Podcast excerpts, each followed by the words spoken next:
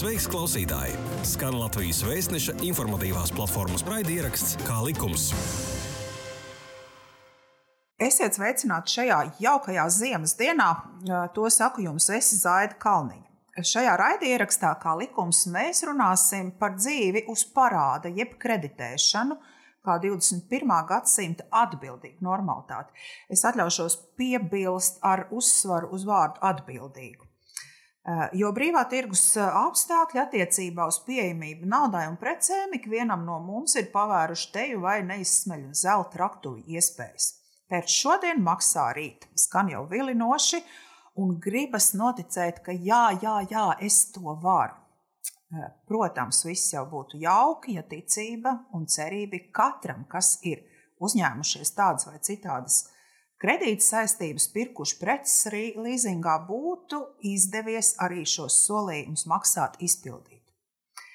Cita starpā Latvijas bankas uzturētā kredītu reģistra informācija liecina, ka šobrīd Latvijas iedzīvotāju privātpersonu parādsaistību kopējais apmērs ir 6 miljardi eiro, no kuriem 5 miljardi ir mājokļu kredīti un 1 miljards eiro pārējie. Pēdējā desmitgade ir nesusi pāri pa 12 tūkstošiem fiziskās personas maksātnespējas procesu. Par tiesās skatīto lietu par parādu piedziņu statistiku nerunājot. Un arī šodien, kamēr jūs klausāties šo ierakstu, ir ne desmit un ne simts, bet vairāki tūkstoši Latvijas iedzīvotāju tādu parādnieku, kuri saņem parāda piedzinēju vēstuli ar aicinājumu parāda saistības nokārtot. Tātad mūsu sarunas tēma šodien ir aizmirstie, cedētie parādi un to piedziņa un jautājums, kad jāmaksā. Uz sarunu esmu aicinājusi viesi, kurš šodien ir zvērnāts advokāts Dāvis Valksons. Labdien, Dāvi! Labdien! Kā jums, Dāvis, šķiet, vai cilvēki ir kļuvuši atbildīgāki pret naudas aizņemšanos un aizņemtās naudas tēriņiem? Man liekas, pēc šāda ievada laikam jāsāk jau teikt tā, ļoti svarīgi ir cilvēks mīlēt. Ja skatās pēc tās iepriekšējās krīzes, tad noteikti tie, kuri, kuri teiksim, uzrāvās uz šo lielo bumu un iekļuva finanšu nepatikšanās tajā laikā, tad tie cilvēki noteikti kļuva atbildīgāki. Tas, par ko mums būtu jāuztraucās, ir jaunā paudze, 20 gadnieki, 19 gadnieki, jo viņu starpā šis patēriņa kredīta apjoms ir ļoti, ļoti liels. Viņi kā paudzes, kas ir tās, teiksim tā, atbilstoši savam laikam, Viņi vairāk necenšas piesaistīties noteiktai vietai. Viņi nav tie, kuri ņem piemēram hipotekāros kredītus. Viņi ir tie, kas vairāk dzīvo bieži vien uz patēriņa kredītiem. Un, ja tev ir viens patēriņa kredīts, otrs, trešais, un kaut kas kādu brīdi sajiet, teiksim, tā netik labi, kā tu plānoji, tad automātiski tu nonāc faktiski šajā kredīta gūstā. Un par to būtu jāuztraucas. Un es domāju, tāpēc jaunai paudzei īsti nav teiksim, tik liela atbildības sajūta. Un varbūt arī viņa 20 gadnieku vecumam tas būtu piedodams, jo katrs ir darījis kaut kādas, teiksim, nepārāk pārdomātas lietas savā jaunībā, un par viņiem vajadzētu piedomāt. Noteikti.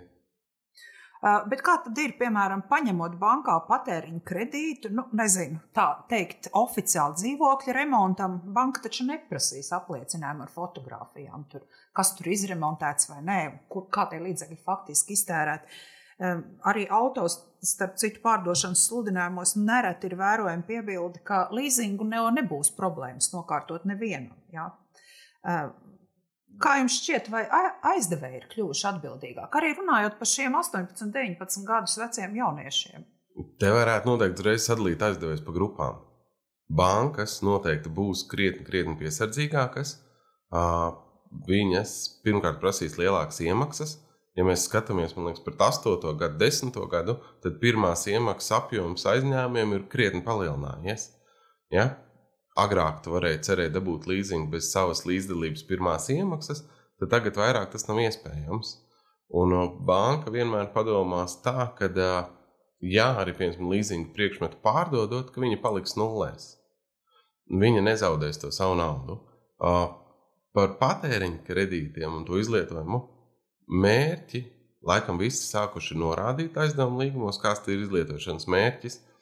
Jo no tā var tālāk secināt, vai tika kredīts izmantots tajam mērķim, ka viņš tika paredzēts. Jo, piemēram, ja teica, ka remontēs māju, bet aizbrauca ceļojumā uz siltajām zemēm, tad tas ir pamats, kā, lai nepiemērotu saistību dzēšanu maksātnespējas procesā nākotnē.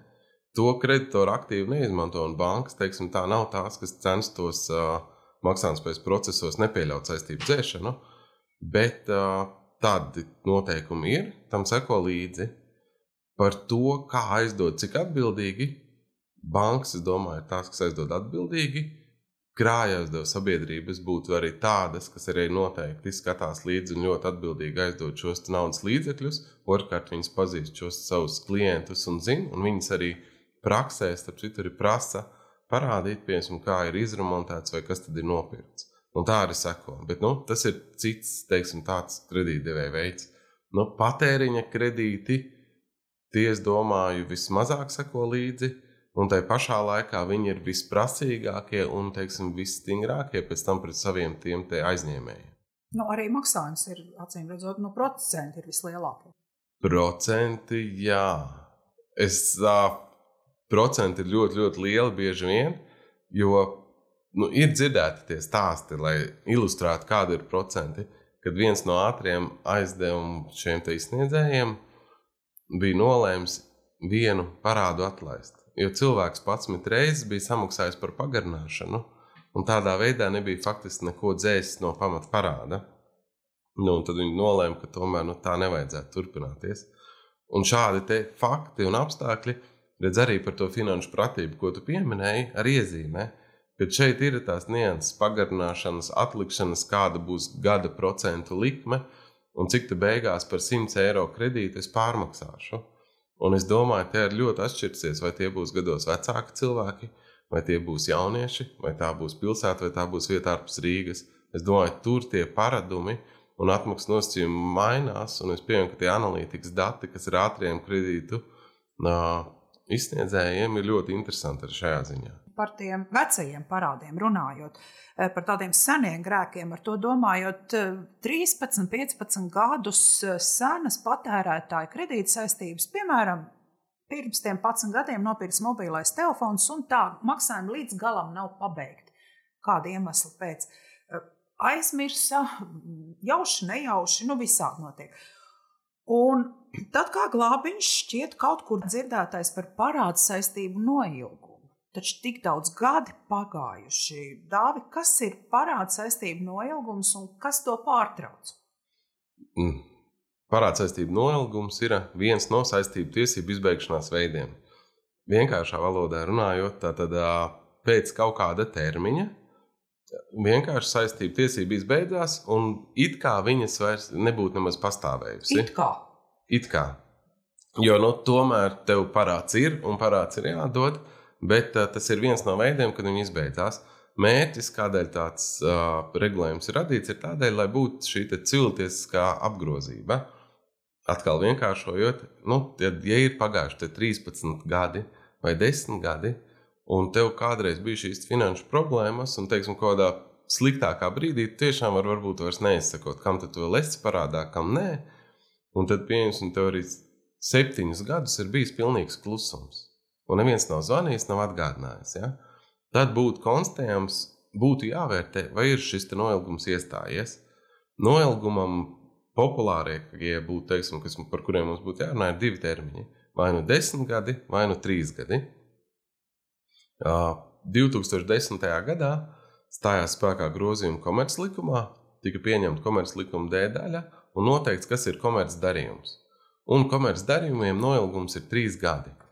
Un, ja arī viens no, dar, viena no darījuma pusēm ir komersants, tad arī uz viņu ir attiecināmi komercdarījuma noteikumi, un līdz ar to noilgums ir saskaņā ar komerclikumu 408. panta 3 gadi. Tātad, ja ir šis te aizdevuma izsniedzējs, un viņš ir vienmēr juridiska persona, licencēta, tātad, un ja otra puse ir vienkārši fiziska persona, tad šeit ir piemērojams trīs gadu noilguma termiņš. Bet viss jau būtu rožaini, ja nu, būtu tik nu vienkārši. Noilgums var tikt pārtraukts. Teiksim tā, ja ir šī atgādinājuma vēstule, kur kreditors saka, paklausieties, tu tomēr man esi parādā, un es jau tu parādu neatlaižu, un uh, neļaušu iestāties nolgumam, tad tev parāda saistība ir. Un šajā gadījumā ir vienmēr ļoti svarīgi vērtēt pašam cilvēkam, sev uzdot jautājumu, vai tu vienmēr gāji uz pastu un izņēmi vēstules, vai tu izņēmi ierakstītas vēstules. Un tas jautājums, nezināmais, kas tagad bieži vien uzpeld, ir, ka tika sūtītas arī uh, neierakstītas vēstules, parastās vēstules, un pasniegt tās nevienam, nevienmēr tiešām piegādā. Kādreiz ir rūpīgāk, kādreiz ne, bet viņas var arī neaiziet. Un tad, kas notiek? Tad parāda piedzinieks pēc kāda laika iet uz tiesu un saka, rekur es sūtīju vēstuli. Viņš nevar iesniegt pierādījumu, ka viņš patiešām nosūtīs ierakstītā sūtījumā, bet viņš sūta viņas vienkārši parastā sūtījumā, vai arī viņa pakalpojums sniedzējs nosūta vēstules un iesniedz izziņu, ka mēs sūtījām kaut kādas vēstules. Un tad tiesā ir ļoti grūti faktiski pierādīt, ka īstenībā šis cilvēks patiešām nesaņēma vēstuli. Un šajā jautājumā tiesa praksa vēl tikai attīstās un veidojās. Un ir divas pieejas. Viena tiesa praksa, kas nosaka, ka, ja ir nosūtīts, tā tad ir uzskatāms, ka tas cilvēks ir saņēmis. Bet otra tā tiesa praksa ir, kuru vērtē, vai ir juridiskais spēks tam dokumentam. Teiksim tā, ļoti skrupulozi pieiet likuma normām un vai arī ir tiešām saņemts, un vai tad šī ir bijusi ierakstīta vēstule, ar ko ir sūtīts. Attiecībā uz ierakstītiem sūtījumiem, ja cilvēkam ir nosūtīts ierakstītā sūtījumā, ja arī viņš neiet pakaļ, tad ir uzskatāms, ka viņš ir saņēmis atbilstoši šai judikatūrai. Ja tiek sūtīts, pieņemsim, automātiski, kā piemēram, automatizējot, tiek izsūtīti šie atgādinājumi, viņi netiek parakstīti, viņi tiek sūtīti vienkāršos ierakstītos sūtījumos, tad šajā gadījumā būtu vienmēr jāvērtē, vai ir juridiskais spēks šim te atgādinājumam vai nē. Bet te nevar šajā brīdī iedot simtprocentīgu garantiju, ka tiesa piekritīs un pateiks, ka jūs atgādinājumu nesat saņēmuši. Un šī te ir tāda robeža šķirtne, kur vienā brīdī būs jāizdara likumdevējiem izvēle, kā tad šo jautājumu risināt. E-pastus mēs uzskatām un atzīstam par informāciju, vai tad neparakstīts atgādinājums, kuram it kā nav juridiskais spēks, vai viņš pretēji likumam var radīt tiesiskas sekas. Un tas ir šis jautājums, kam vienmēr faktiski parādniekiem būtu jāpievērš ļoti liela uzmanība. Pēc praksē vienkāršākais, es teiktu, tā lielākā daļa cilvēku, kuriem ir šīs parādsaistības, kādā brīdī tīri cilvēcīgi izvēlās ignorēt viņas, un viņi neiet uz pastu pakaļ dokumentiem, jo domā, ka tā būs labāk.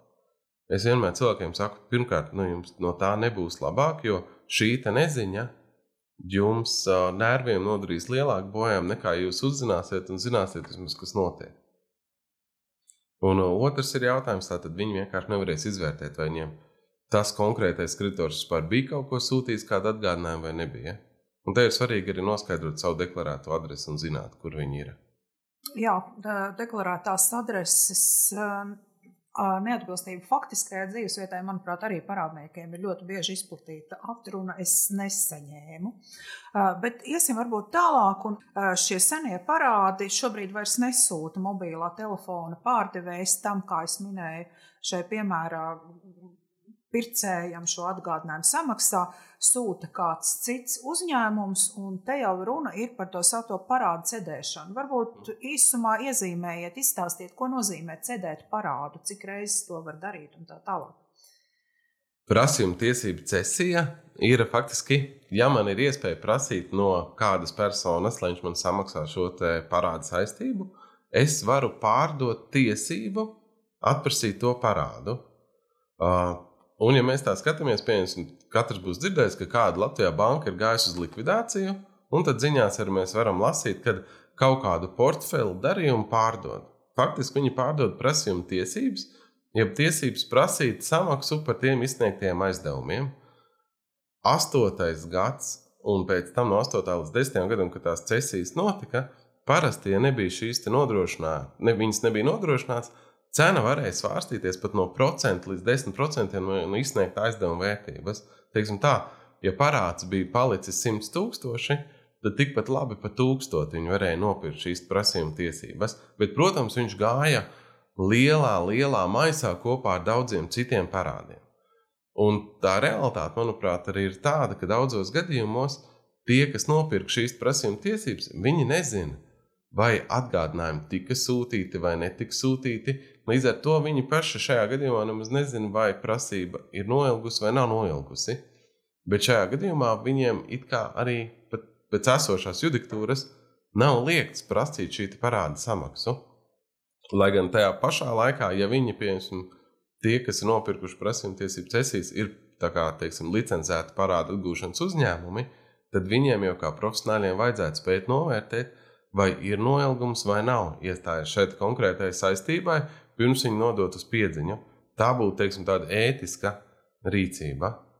Bet praksē, man liekas, biežāk var nākties novērot, tomēr, ka tiek prasīts lielas summas, pēc tam viņi ir gatavi izlikt uz krietni mazākām summām, apzinoties un spēlējot arī uz to apstākli, ka cilvēks grib skaidrību.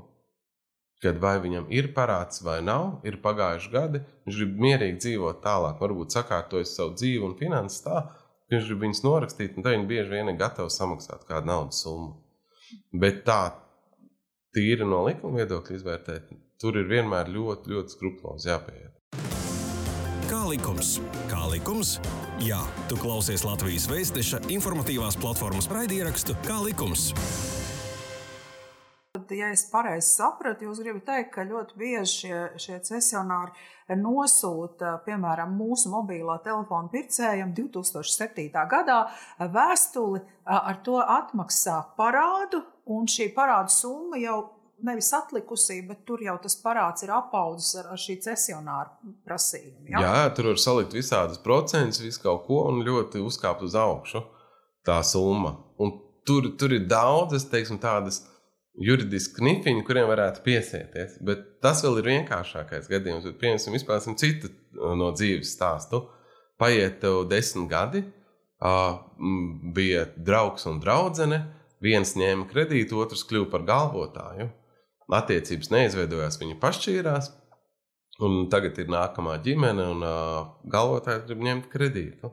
Un tad šis parāda piedziņas uzņēmums, ko viņš izdara, viņš ieliek viņu ātri parādnieku datubāzē. Saprotot, ka tā sāk noskaidrot informāciju par kredītņemšanu.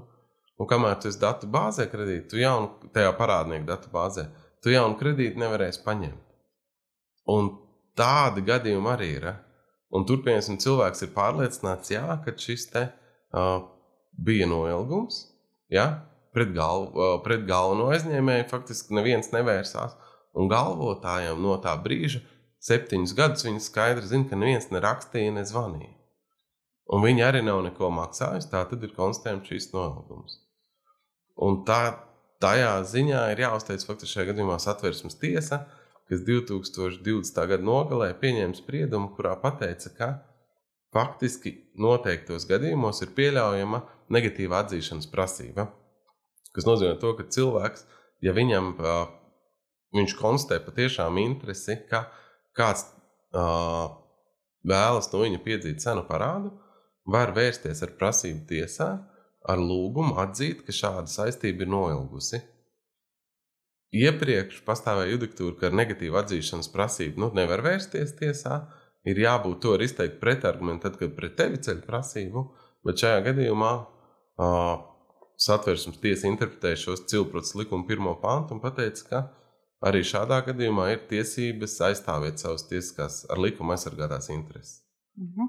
-huh. Tā, ja es pareizi saprotu, tad, tad vai varētu domāt tā, ka jo senāks parāds un jo tev viņu tagad, tu skaidri zini, ka tev nav nesūtīts, ne tu kaut ko esi maksājis, un tev tagad atnāk un prasa no tevis, tu faktiski vari vērsties tiesā ar šo prasību. Jā, Jā? Nu ir šāda interpretācija šajā brīdī. Šādu lietu vai ir tiesās daudz, Es domāju, ka nav. Jo viņas, teiksim, tā, tā interpretācija agrāk bija skaidra, ka par tādām tu uz tiesu nevar iet. Tev atteicis ierosināt tiesību vai ir izbeigts tiesvedību. Pēc tam ir satversmes tiesas cilprūts likuma pirmā panta interpretācija, kas ir saistoša visiem. Tā tad mēs varam iet uz tiesu. Valsts nodeva arī ir ļoti jauka. Viņa nav liela. Jo tā ir atzīšanas prasība, tu jau no tās naudu neiegūsi. Tu konstatē faktu, ka man nav bijis parāds pēdējos trīs gadus. Līdz ar to viņa nav jānovērtē kā mantiska prasība. Pirms skriet uz tiesu, gan vēl var, es ieteiktu izdarīt tā, ka tur apstīties pirms tajā pašā mana kredītvēsture LV, Katrs var iet ar internetu banku, autorizēties, apstīties, vai ir viņam rādās kāda parāda saistība. Ja viņš konstatē, ka rādās kāda parāda saistība, tad viņš jau arī faktiski var vērsties pie tā kreditora, kas it kā ir ar lūgumu. Vienkārši lūdzu, uzrakstiet pamatojumu un pievienojiet arī dokumentus, kādēļ man šī parāda saistība vēl būtu, ja pastāvētu. Jo ir interesanti tā nianses, ka parāda atgūšanas likuma 8. panta 4. daļa, ja nemaldos, skaidri un gaiši nosaka, ka, ja parādnieks ir pieprasījis, tad šim parāda piedzinējam ir jāsniedz informācija un dokumentu kopijas, kas viņam ļauj piedzīt parādu. Pēc praksē ir prasīts atbildes ne īpaši, protams, viņi vēlās sniegt. Jo tad, kad tev ir šī cesijas portfeļa kopija, piemēram, ar vecajiem parādiem, viņš ir pārdots vienreiz, otru reizi, trešo reizi. Ja? Un neviens jau vairāk nezina, kas tajā visā iekšā stāv, bet ir tikai faktiski Excel tabulas, tad neviens tev nevar dabūt šos dokumentus. Vai arī dabūt jau no arhīva šos dokumentus kļūst pārāk apgrūtinoši tādiem komersantiem. Un šis te ir tā lieta, ko var darīt, kas ir jādara, viņiem ir pienākums to ievērot. Nu, Kā viņi to izpildīs, tas ir atkarīgs no viņiem. Jā, interesanti. Man jūs arī minējāt tādu lietu par to, ieiet mana kredīta vēsture LV. Vai tur parādīsies visi personas parādi? Respektīvi, kur es varu noskaidrot, vai es kādam esmu parādā? Arī, piemēram, ātriem kreditoriem. Tur simtprocentīgi vai tu vari noskaidrot visus, kuriem tu esi parādā īsti. Es domāju, ka simtprocentīgi apgalvot nevar. Mums nav tāda reģistra. Bet es ieteiktu sākt, labi, ir Latvijas bankas kredītreģistrs. Tur redzēs, faktiski, kas ir saistībā ar kredītiestādēm. Bet uh, patēriņa kredīti. Tur daļa tur varētu uzrādīties, daļa varētu neuzrādīties. Nu, kāds mašīnu leasing, piemēram. Tie uzrādīsies, jā, par patēriņa kredītiem atkarībā no aizdevēja. Mana kredītvēsture LV ir vēl viens portāls. Tad noteikti ir Latvijas valsts izsoļu portāls. Man liekas, viņš ir e-izsoles.ta.gov.lv ir interneta adrese. Autorizējoties, tur tur redz izpildu lietvedības. Arī to bieži vien cilvēkiem der zināt, kurš tad tiesa izpildītājs un uz kāda pamata tad veids piedziņu. Un tur arī var redzēt summas. Nu, šos teiksim, resursus savācot, tu jau sāc nojaust, ap ko lieta grozās. Vai tas ir viens parāds, vai tie ir vairāki, un tā, un tad var sākt domāt, kā to jautājumu risināt. Bet ko jūs ieteiktu darīt tam parādniekam, kurš saņēmis šī, šo cedēto savu parādu ar brīdinājumu un milzīgu summu, ka viņam jāmaksā, vai viņam ir vērts zvanīt šim nu jau viņa jaunajam kreditoram un telefoniski mēģināt kaut ko skaidrot, ko viņam darīt labāk? Vai arī skatīties tajās datu bāzēs? Ja man godīgi jautājas, teikt, laikam, zvanīt tam kreditoram būtu pēdējais, ko darīt. Jo pieredze rāda, ka, ja tu vienreiz piezvanīsi, tad viņi jau, viņu veids, kā viņi atgūst parādus, ir saistīts ar psiholoģisku ietekmēšanu. Zvanīt visādos laikos, kad vien var un censties atgūt parādu. Tā kā šī komunikācija nebūtu efektīva. Vienkārši pirmais būtu jātur apzināti šos resursus, noskaidrot, kur un tev varētu būt kādi šie parādi. Nākamais ir godīgi sev atbild uz jautājumu, vai vienmēr tu esi gājis saņemt šīs vēstules pastā, un vai tu esi izņēmis pastu, un vai tavā deklarētajā dzīvesvietā, kas bijusi tos pēdējos gadus, vienmēr pasts ir ticis izņemts. Ja tu konstatē šos faktus, ka tu esi pastu izņēmis, un tev, piemēram, ir šie trīs gadi vairāk attiecībā pret juridisko personu, kurai tev ir pagājuši un bez atgādinājumiem, tad pirmais, ko tu dari, ir vienkārši iesniegums kur brīvā formā uzrakstīts šim kreditoram, pamatoties uz parādu atgūšanas likuma 8. pānta 4. daļu, es pieprasu sniegt dokumentus, kas pamato jūsu tiesības prasīt no manis šos te parādu summu, un lūdzu pievienot arī atgādinājumus par nosūtīšanu, kas pierāda, ka ir pārtraukts noilgums. Tas būtu tāda tēze, ko iesniegt. Tāda var skatīties tālāk, vai viņi sniegs atbildi. Bet tas ir arī cits. Ja viņi nesniedz, tad ir jāsāk nu, viņu darbību uzrauda patērētāja tiesība aizsardzības centrs. Tad var vērsties pēc konsultācijas pie viņiem. Es, es nezinu, vai būtu pareizi teikt, ka ir tagad nu, jāskrien rakstīt sūdzības. Uh, uz pilnmēnesi varbūt to var darīt, bet ikdienā es domāju, ka nevajag. Ja? Jo te, te ir arī jāņem vērā tā kopējā finanšu stabilitāte. Tas jau visiem mums kopā ir ļoti vajadzīgs. Ja viss šeit notiek normāli, sakarīgi un, teiksim, parāds tiek izsniegts, aizdevums tiek izsniegts, viņš tiek atmaksāts, tas veido šo labo kredītreitingu. Un, ja mums ir šie valsts aizņēmumi, tad procentu likmes ir mazākas. Mums visiem no tā, ka beigās ir kopējs labums. Bet uh, tajos gadījumos, kad tas jau vairāk teiksim, neatbilst normāliem standartiem, nu, tad ir jāvēršās. Patērētāju tiesību centram arī būtu jāvērtē šie gadījumi. Un tā ir viņa kompetence, jo patērētāju tiesību aizsardzības centrs ir tā institūcija, kur izsniedz šos licences parādu atgūšanai. Un ir noteikti kriteriji, kur viņiem, ja viņi to vēlās veikt, tad viņiem viņi ir jāievēro. Cita starpā no nākamā gada būs vienreizēja iespēja cilvēkiem, kas ir maznodrošinātas un trūcīgas personas, samazināt savas parādsaistības 5000 eiro apmērā, kas ir patērētāja parādsaistības. Un to nosaka jaunais fiziskās personas atbrīvošanas no parādsaistībām likums. Kā jūs vērtējat šo valsts iniciatīvu? Diplomātiski sakot, uzskatu, ka tas ir uh, Viņa nav būtiska. Valsts līmenī viņa neko nemainīs. Mm, viņa nerisinās galveno problēmu. Kāda ir Nekā. galvenā? Galvenā problēma, ko mēs varētu, ko mēs vērtējam, ir tagad mums Latvijā trūkst darba spēka. Mums trūkst cilvēku. Katrs uzņēmējs, liels ražojošs uzņēmums, kurš strādā, viņš meklē darbiniekus, viņš cenšas viņus atrast. Un uh, viņš viņus arī pārapāta. Teiksim, standarta ražojošs uzņēmums, ko viņš dara, viņš grib attīstīties, viņam ir divi varianti. Viņš var cerēt atrast darbinieku, bet tas ir diezgan nereāli.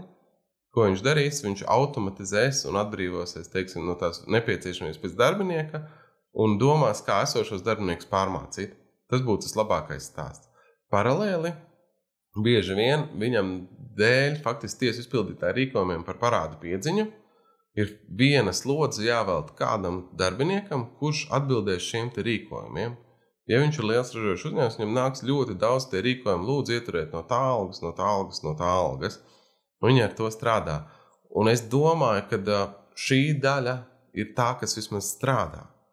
Manuprāt, šie te, kas kvalificēsies šiem nosacījumiem, lai viņiem tiktu atlaist šeit parādi līdz 5000, ir krietni mazāka daļa tie nosacījumi šajā likumā ir tik stingri un skrupulozi, ka tas nebūs uh, liels cilvēku skaits. Nekādā gadījumā. Un faktiski arī šīs parādsaistības tas nozīmē nemaz tik kopēji lielā apmērā, jūsuprāt, netiks dzēstas, vai ne? Nu, mēs varam piemest, jūs teicāt, viens miljards patēriņa kredītu. Jā. Tā tad dzēst ir tikai patēriņa kredītus. Es domāju, ka no tā viena miljarda Būtu jau forši anotācija izlasīt, kas ir ierakstīts, cik no tā miljarda cer dzēst. Bet es domāju, tie būs pārsimt tūkstoši maksimālajā gadījumā. Es nedomāju, ka tā ir tā darbspējīgā tautas daļa. Nu, tas mūsu līdzcilvēki, kuri mums ir vajadzīgi. Ja mēs tā paskatītos, tad daudz aktuālāk ir tiešām risināt jautājumus, kāda mums ir sakarīga, strādājoša, funkcionējoša sistēma, kā rīkoties gadījumos, kad uh, darba devējs atrod darbinieku, pieņem, reģistrē viņu valsts ieņēmuma dienestā. Nākamajā dienā viņam atnāk rīkojums no tiesas izpildītāja, kuram sistēmā parādās, ka rekur, piemēram, šis cilvēks ir sācis legālu darbu, un uh, kā uzņēmējs var vienoties tiesas izpildītāju, kā saglabāt viņam tādu algas daļu, lai viņš neaiziet no darba, lai viņš paliktu. Jo standarta stāsts ir tāds, ka uh, atnāk šis darbinieks, sāk strādāt, darba devējs saņem šo ziņu, kad reku ir iet, jāietur no algas. Viņš, protams, paziņo darbiniekam, un darbinieks saka, paldies, uz redzēšanos, es beidzu strādāt. Un parasti tad viņš dodas uz citu valsti. Jo citā vai nu viņš ir divi varianti. Viņš vai aizbrauks no Latvijas un strādās citā valstī, vai arī viņš aizies uz tādu uzņēmumu, nosaukt nu, formāli, kur nemaksā nodokļus, un strādās tur. Vai arī uzrādīs šos maksājumus līdz minimālajai algai. Ar to es vēlētos likt šai sarunai punktu viena iemesla dēļ, jo par to mēs parunāsim citā reizē kopā ar tiesu izpildītājiem. Cits starpā, kas ir iesaistītās puses. Eh, paldies par skaidrojumiem, saku zvērnātam advokātam Dāvim Volksonam un arī jums, kas klausījās. Šis bija raidieraksts kā likums, sarunu vadīja Zaita Kalniņa. Jaunos ierakstus piedāvājam trešdienās, tāpēc visu jums labu, uz tikšanos jau pēc nedēļas. Šī bija iknedēļas pusstunda kopā ar oficiālā izdevēja Latvijas vēstneses informatīvās platformas raidierakstu Kā likums. Pastāsti citiem, ja bija noderīgi un interesanti. Kā likums, tiekamies ik trešdienu!